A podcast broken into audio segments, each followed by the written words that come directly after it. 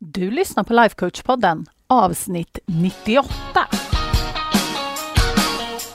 Välkommen till Lifecoach-podden där allt handlar om tankar, känslor och hur vi kan använda dem för att komma dit vi vill.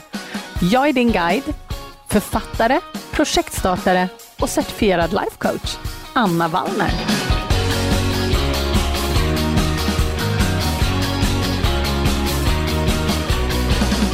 Men hej hallå på er! Nu är det nyårsafton, vill jag bara säga. Jag inser att det inte är nyårsafton när du lyssnar på det här. Men vi är inte så många dagar in. Vi är bara en dag in. Två, kanske. Eller något sånt där. Men hur som helst så är det nyårsafton för mig. Så jag vill ju självklart ta tillfället i akt och prata om mål. För jag älskar mål. Är det någon som är förvånad? Nej, inte speciellt, eller hur? Och jag har ju i tidigare avsnitt pratat om mål många gånger och jag har bland annat pratat om omöjliga mål. Och ni som är med i medlemskapet, ni vet ju allt om det här, eller hur?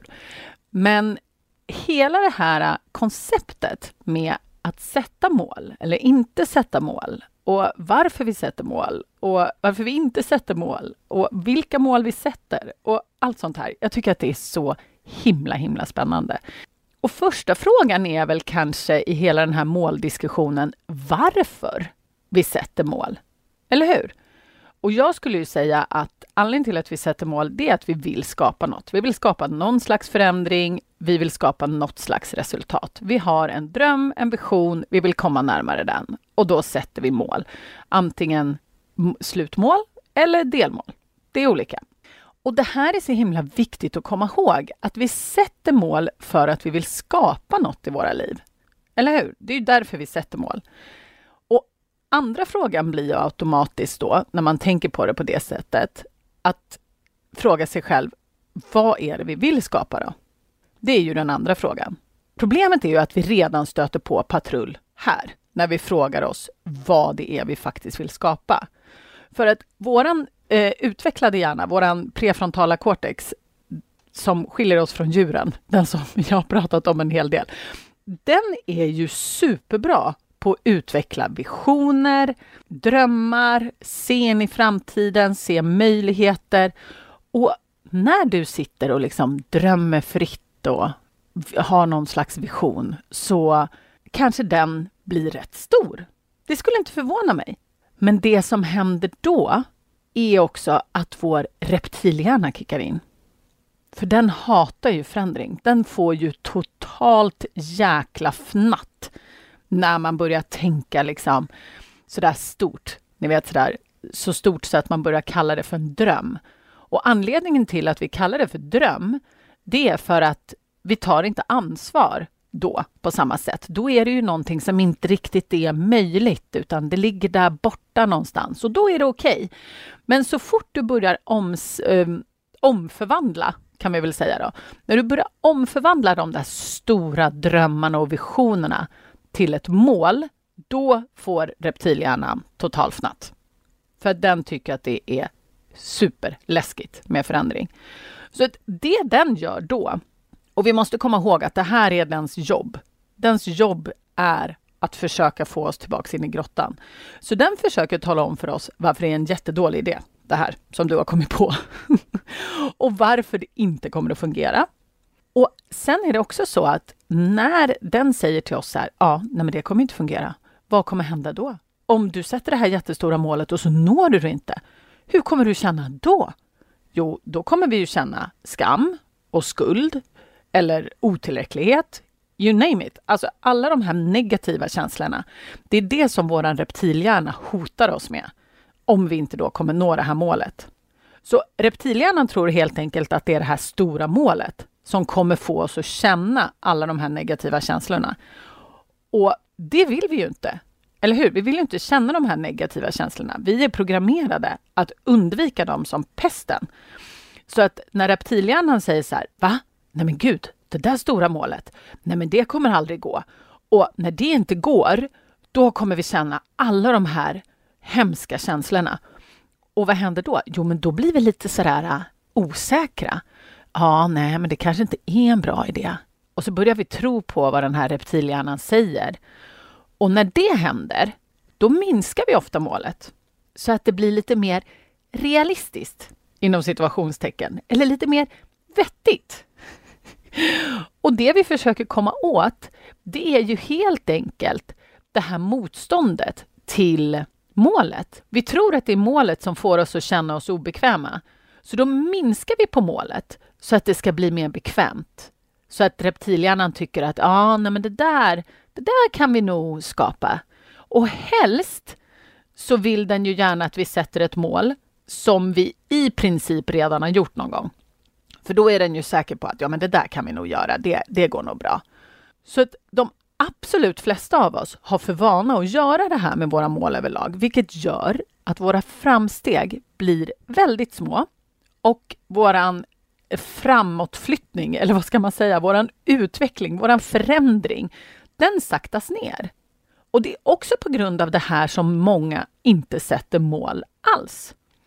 Det vill säga, det är liksom tanken på att sätta ett mål och att kanske inte nå det blir så obehagligt som personerna i fråga bara liksom sätter inga mål. Det är det absolut enklaste sättet. Och vissa hävdar också att nej, men det är inte riktigt min grej. Och så kan det absolut vara. Om man är helt tillfreds med sin reptilhjärna och att hela tiden skapa samma sak hela tiden, nej, men då behöver man inte sätta mål. Men för väldigt många så är det så att vi inte sätter de här målen just för att vi inte vill känna oss obekväma. Och till syvende och sist bli besvikna eftersom vi kanske innerst inne vet att vi kanske inte kommer satsa 200 procent och löpa hela linan ut. Så om man tittar liksom på det så ser väl kedjan ut i korthet typ så här att ett, vi funderar på ett stort mål som vi tycker skulle vara superläckert att skapa. Och när vi funderar på det där målet, vad händer då? Jo, vi känner osäkerhet, nervositet och rädsla. Och då tror vi att det är målet som orsakar de negativa känslorna som gör att vi minskar på målet eller tar bort det helt för att minska det här obehaget. Vilket gör att vi saktar ner våra framsteg eller helt liksom stagnerar. Så att det vill säga, vi sätter ett stort mål som vi tycker skulle vara superläckert. Vi känner osäkerhet, nervositet eller till och med rädsla. Vi tror att det är målet som orsakar känslorna, så vi minskar på målet, vilket gör att vi saktar ner våra framsteg. Det är inte rocket science, vill jag bara säga. Så anledningen till att vi sätter de här små, nåbara, liksom realistiska målen, det är helt enkelt för att vi inte vill känna obehag. Om vi ska vara helt ärliga så är det faktiskt därför. Men vad är priset vi betalar då, när vi gör det? Jo, det är våra drömmar. Det är våran utveckling och det är förändringen som vi är ute efter. Det är det som är priset vi betalar. Och helt seriöst så tycker jag att det är sjukt värdelöst. Värdelöst. Allt för att vi inte vill känna obehag. Men vet du vad? Det är faktiskt bara en känsla. Det här obehaget, rädslan, osäkerheten, det är trots allt bara en vibration i kroppen. Och ni som jobbar med mig, ni vet precis vad jag pratar om. Ni som är nya här på podden, välkomna! Eh, känslor och tankar 2.0. Men det är så här att de här känslorna av obehag, det är bara vibrationer som flyttar sig i kroppen. Och ska vi låta en vibration stå i vägen för allt som vi vill skapa, att stoppa all vår potential och hindra oss från att skapa de här drömmarna? Nej, men jag tror inte det. Alltså helt seriöst. Och det är därför, mina vänner, som jag älskar den här omöjliga målprocessen. Och att jobba med den här processen kring omöjliga mål, det är, jag kan helt ärligt säga att det är den process som jag känner till som skapar absolut störst resultat och får oss att växa absolut fortast. På så många plan. För omöjliga mål tvingar oss att tänka på helt nya sätt och får oss att förhålla oss liksom till misslyckanden, kan man väl kalla det för, på ett sätt som skapar nya lärdomar och utveckling. Och, alltså, det är så coolt. Vi utvecklas i en takt som aldrig förr när vi sätter de här omöjliga målen. Men du kanske inte har lyssnat på det avsnittet. Jag kommer inte ihåg exakt vilket avsnitt det är om jag ska vara helt ärlig. Men låt mig förklara då lite vad ett omöjligt mål är och hur det fungerar. För ett omöjligt mål, det är ett mål som din hjärna just nu säger är omöjligt inom den tidsramen du valt. Och just det där med tidsramen är rätt viktigt. För det kan vara ett mål som du känner att det här kommer jag klara av. Men just när du lägger på tidsramen, då känns det omöjligt. Och det är just det här med omöjligt, etiketten omöjligt, som är så himla coolt. För när vi från början ger vårt mål just den här omöjlighetsetiketten, när vi redan liksom på förhand vet att vi högst troligtvis kommer misslyckas, vad är det som händer då? Vilka argument ska din reptilhjärna ta till när du säger att ja, men jag tänker sätta det här målet, fast det är ju omöjligt. Kanske så kommer den att hävda att så här, ja, men hallå, om du vet att du kommer att misslyckas, varför i hela friden ska du göra det då? Det var åtminstone så min, min hjärna pratade med mig när jag började med den här processen. Och till det här säger jag att alternativet att inte sätta det där omöjliga målet, det är också misslyckas. Fast vi misslyckas liksom innan vi ens har satt igång. Vi misslyckas på startlinjen. Och det är vad de flesta av oss gör genom att minska på de här målen som vi pratade om. Vi gör avkall på våra drömmar och misslyckas innan vi ens har kommit ut ur startblocken. Vi drömmer om någonting men ger upp innan vi ens har försökt. Och på något sätt så tror våra hjärnor nog att det här misslyckandet är bättre eftersom vi faktiskt inte har satsat något. Vi har inte satsat några, någon tid, någon energi, vi har inte satsat några pengar. Men det är faktiskt inte sant, vill jag bara hävda med en dåres envishet. För att grejen är det att vi kommer nämligen inte lära oss något om vi inte sätter de här målen. Så vi missar chansen att fylla på kunskapsbanken och erfarenhetsbanken och liksom berika våra liv genom hela den här processen.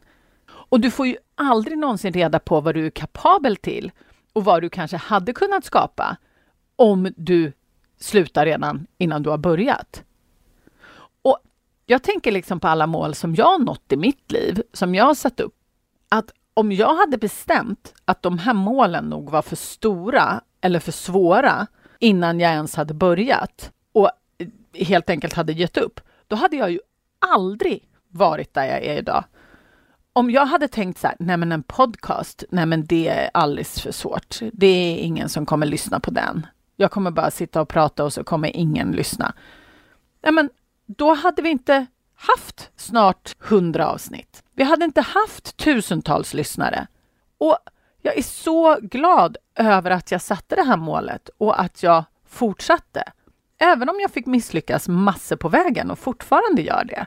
Så om vi tror att vi kan undvika att misslyckas genom att inte ens försöka, så vill jag bara hävda att vi lurar oss själva. För att, att misslyckas på förhand är fortfarande att misslyckas, men du går miste om all den här lärdomen och du kommer sinka din egen utveckling och din egen förändring. Och om vi tänker på det så är det ju faktiskt just misslyckanden om och om och om igen. Det är ju det som är sättet vi faktiskt lär oss saker på. Jag menar, titta på en bebis som försöker gå. Om de bara skulle säga nej, men testa tre gånger och sen bara nej, jag hamnar ju fortfarande på rumpan. Det verkar ju värdelöst då skulle de aldrig lära sig att gå.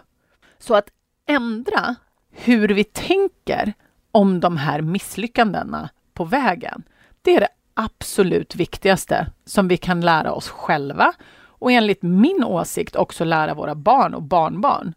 För just det här att kunna misslyckas framåt, det är key om man vill komma någonstans överhuvudtaget. Att satsa, våga misslyckas, ha förmågan att lära sig av sina misstag. Alltså det är en superkraft. Och just det här att inte låta rädslan av misslyckande stoppa oss. Alltså det är en game changer. Jag blir så himla till mig när jag pratar om det här.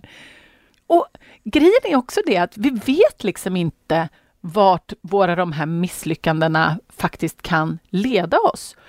För att vi kan lära oss så mycket saker som öppnar upp liksom vårt seende och vår medvetenhet så att vi ser andra möjligheter och utmaningar längs vägen som vi aldrig hade sett om vi inte hade testat.